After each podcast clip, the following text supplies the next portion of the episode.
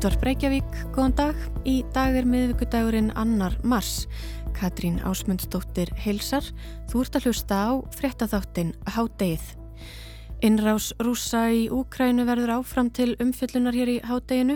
Eftir fréttir ræðum við við doktor Þórdísi Ingadóttur, dósent við lagadeilt háskólans í Reykjavík og sérfræðingi í alþjóðalögum um innrásina í þjóðarréttarlegu samhengi. Það er að segja um baráttu Úkrænumanna fyrir domstólum. Úkrænsk stjórnvöld leituðu til domstóla strax á laugadaginn og óskuðu eftir bráðabyrða úrskurði um stöðfun árásar frá alþjóða domstólnum í Hag. Þá tilkynnti saksóknari alþjóðlega sakamála domstólsins ECC að domstólinn myndi rannsaka innrásina og aðgerði rúsa svo sem ásakanir um stríðsglæpi og glæpi gegn mannkinni. Nú þegar við fáum stríðanströym fregna frá Úkrænu af sprengingum, átökum, mannfalli og fólksflóta er það vissulega fagnar efni að átökin hafi þegar ratað á borð domstóla. En hvaða þýðingu hefur það í raun og veru? Hvaða áhrif hafa úrskurðir alþjóða og Evrópudomstóla, svo sem um stöðfun árásar? Skiptir baróta fyrir domstólum einhverju máli í stóra samhenginu? Við fáum svörfið því í síðari hluta þáttarins.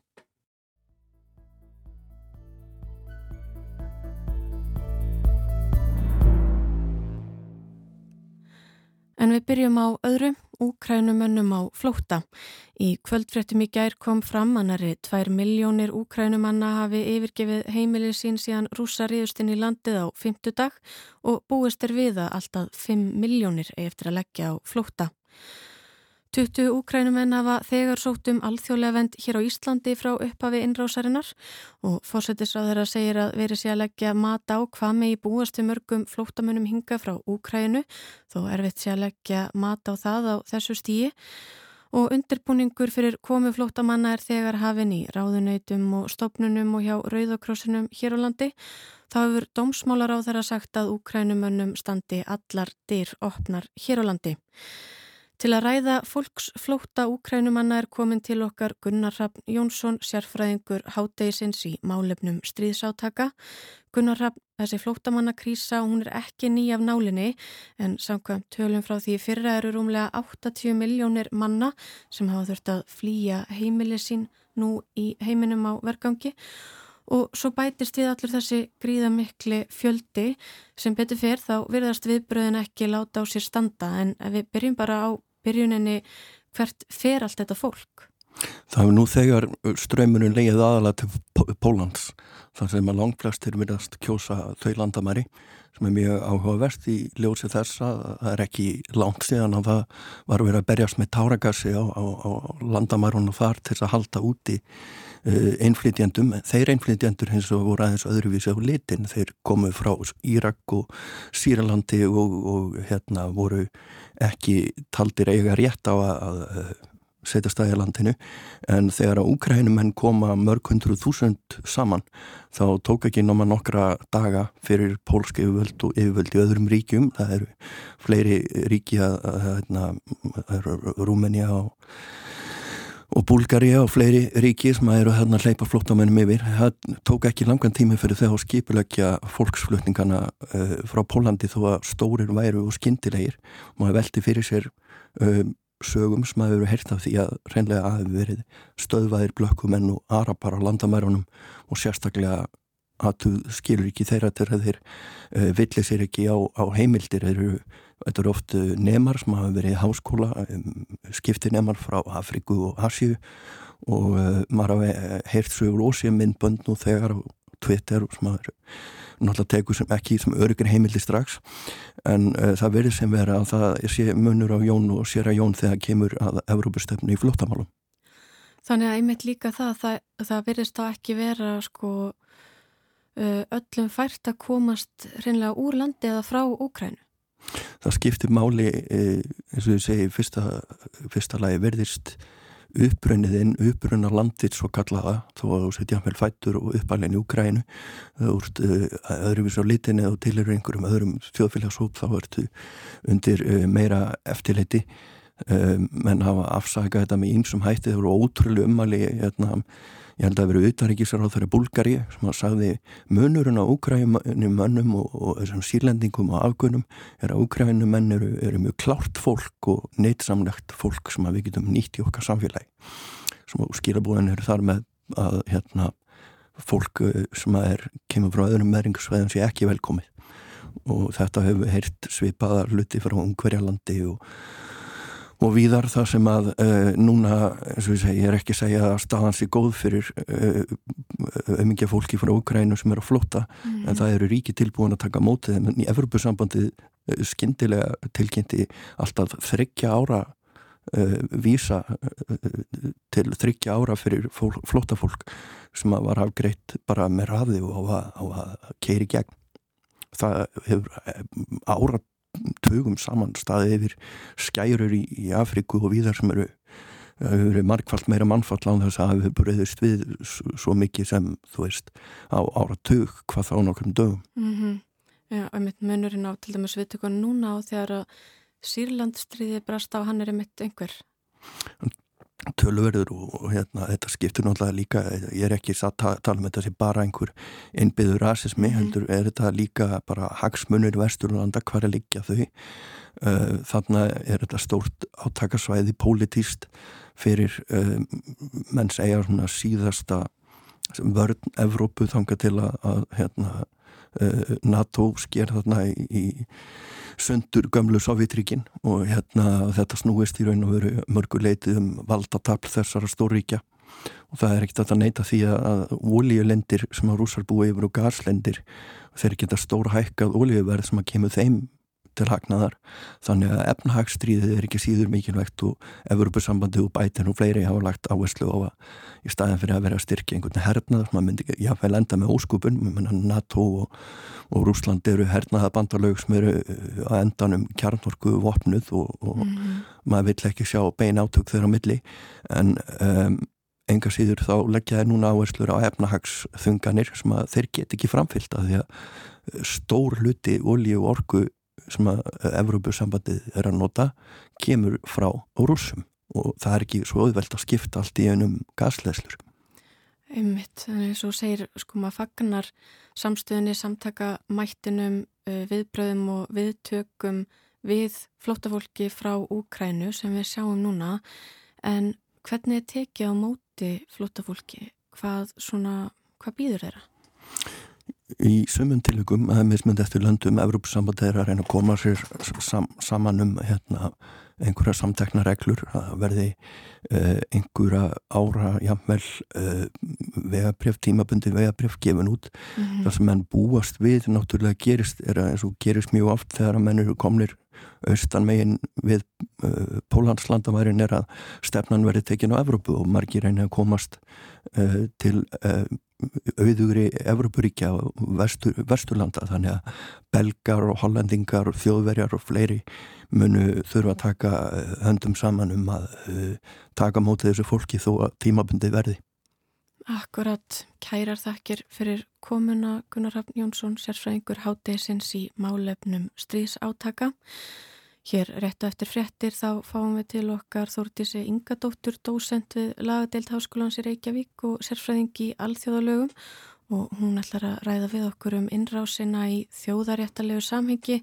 Það er að segja um baráttu úkrænumanna fyrir domstólum og fyrirhugaða rannsókn, saksóknara hjá alþjóðlega sakamála domstólunum á innrásinni og aðgerðum rúsa svo sem ásökunum um stríðsklæpi og glæpi gegn mannkinni.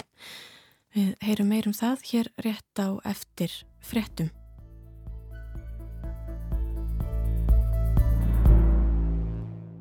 Úkrænsk stjórnvöld hafa þegar fært innrás rúsa fyrir alþjóða og Evrópudómstóla og þá hefur saksóknari hjá alþjóðlega sakamáladómstólunum sagstmunu hefja rannsókn á innrásinni og átökunum þar á meðal á stríðsklæpum og glæpum gegn mannkinni. Til að ræða þessa baráttu úkrænumanna utan hins eiginlega vývallar þar að segja fyrir domstólum og þýðingu hennar er komin til okkar doktor Þórtís Ingadóttir, dósent við lagadeild Háskólans í Reykjavík og sérfræðingur í alþjóðlegum. Velkomin Þórtís. Takk. Ef við byrjum bara aðeins á sko málavöxtum til hvaða domstóla leituðu úkrænsk stjórnvöld og já, hvað vilja þau að domstólar geri? Uh, Úgræna hefur núna á síðustu hvað 5-6 árum leitað til uh, þryggja domstóla varðandi átökin uh, við Rúsland og það má eiginlega skipta þessu domstólu svolítið eftir hvort þau varða ábyrð ríkja í þessu tilviki þá ábyrð Rúslands eða hvort það varði refsi ábyrð einstaklinga vegna glæpa til dæmis á, á mannöðlum, hvernig á heiastríð og annað.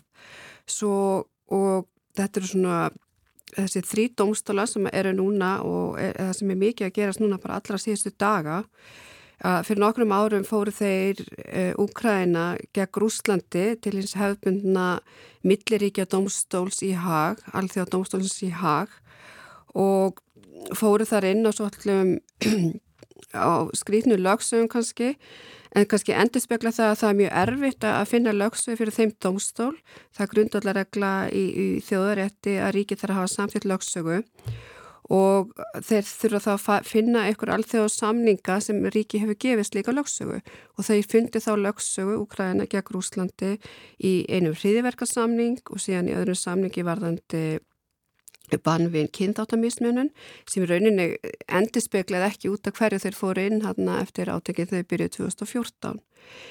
En síðan núna það sem er að gerast þar og er svolítið áhugavert að uh, samningur um bann gegn þjóðamerði er með lögsugu heimild og núna fóru þeir inn bara fyrir örfáum dögum að kerði rúsa fyrir brota þeim samningi. Hvernig rúsar tólka þann samning og töldu sér þannig að hafa heimil til að fara inn í Úgræðinu og þeir byggja rauninni mm. þetta þarna opnaði Pútin kannski reynum að segja að þessar lögsugu gegn þessu samningi út af sinni orðræðu í sinni ræðu hvernig hann réttlætti ára inn í Úgræðinu Í sinni ræðist talaði Putin um að það væri verið að fremja þjóðamörð í Úkræðinu og þeir var að fara inn til að verja það þjóðamörð.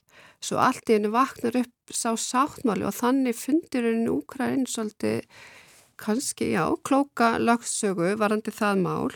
Og þeir byggja um bráðabyrða úrskurð þar og þetta er, hvað, þetta er bara örfað dagast þegar fóru og, og með þetta nýja málurinn þá þriðja máli þar.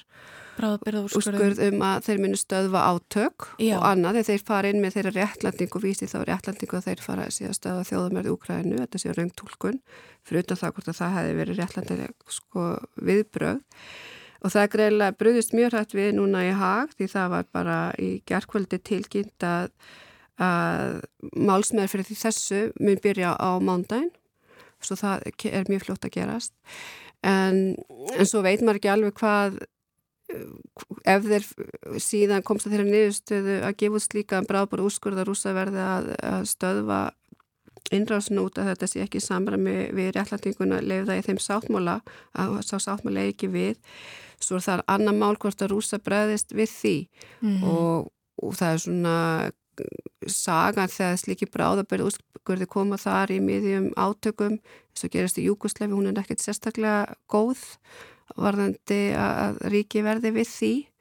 En þetta skiptir máli til lengri tíma litir þetta er líka skiptir máli fyrir þá eflest bara sem symbol og, og skilaboð til allra og frá þá ef það kemur dómur frá þeim dómstól, þar setur nú reynda líka rúsnesku dómari svo er, þetta er mjög mikilvægt á þeim ánganum síðan efnisferð meðferð þess máls mun taka mörg ár en þetta skiptir ná maklu máli að fá hana bráðabröð úrskurð.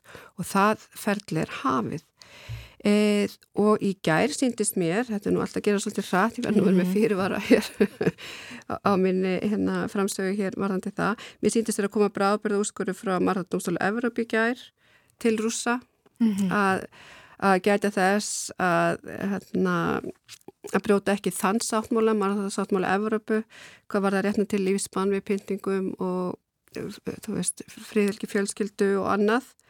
Uh, Úkræn er, ef ég maður rétt fimm mál þar á síðustu árum gegn Rúslandi, báður aðlar eru aðil af Marantáttmála Evrópu og Evrópuráðinu.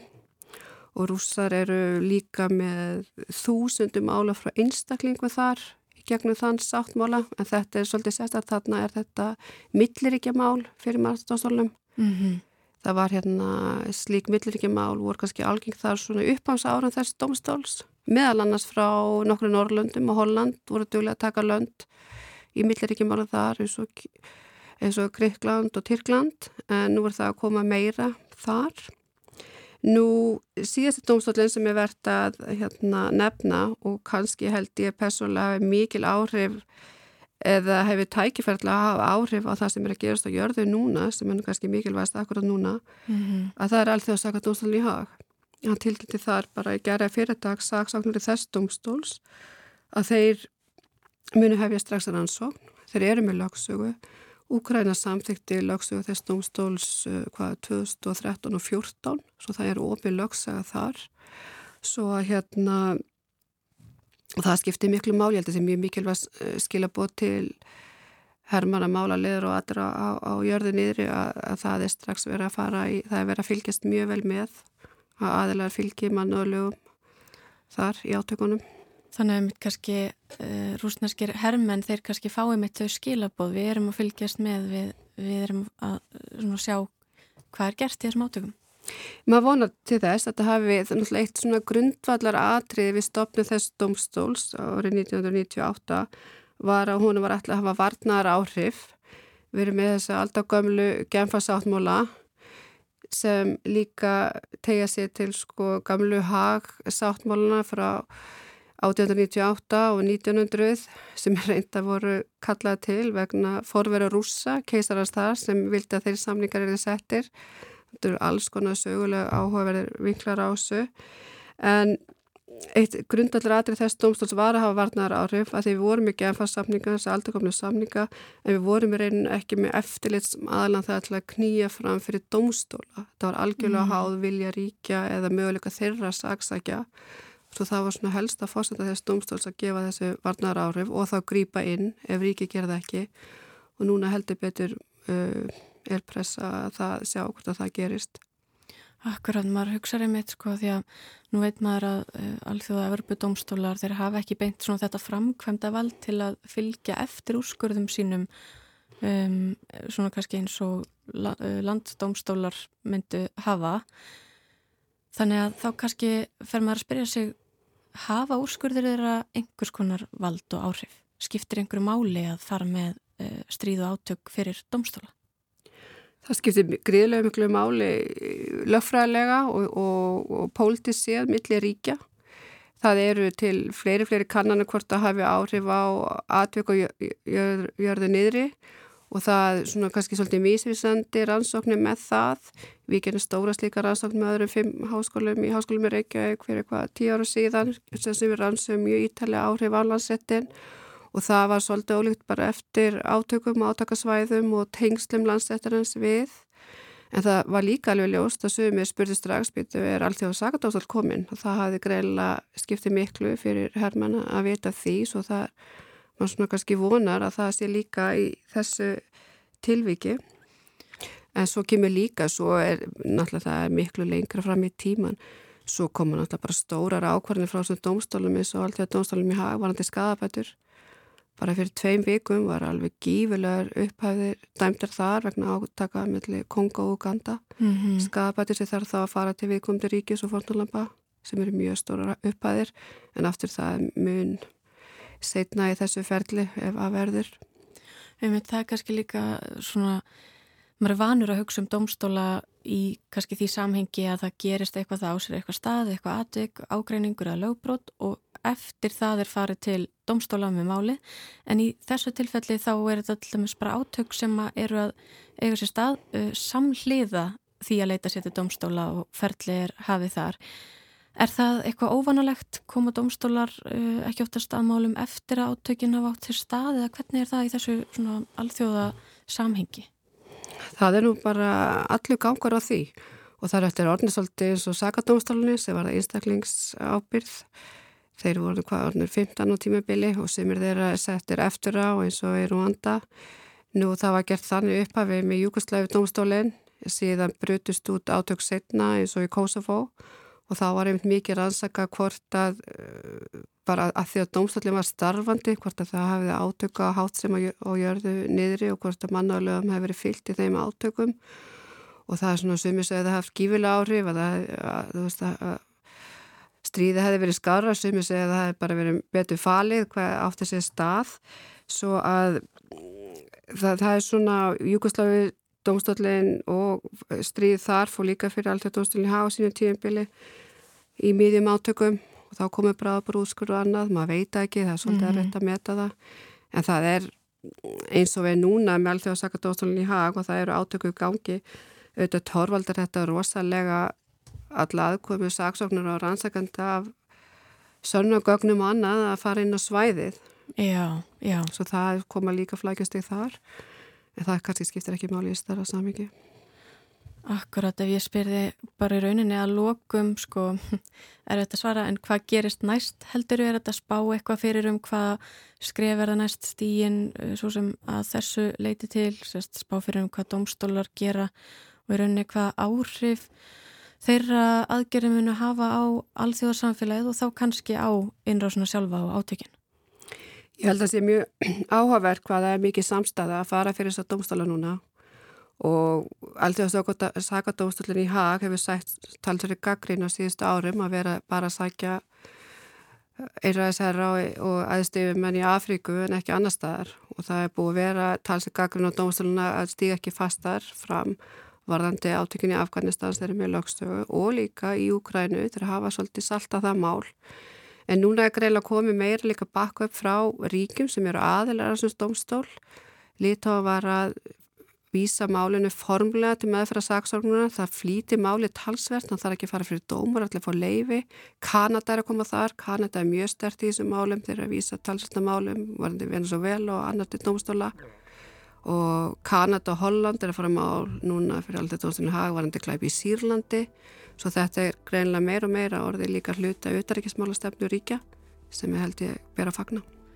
Akkurat. Við komumst í miður ekki lengra með þetta mála sinni en fylgjumst áfram nái með og kærar þakkir fyrir komuna Þórtís Ingadóttir eða Dr. Þórtís Ingadóttir, dósend við lagadeild Háskólans Reykjavík og sérfræðingur í alþjóðlegum.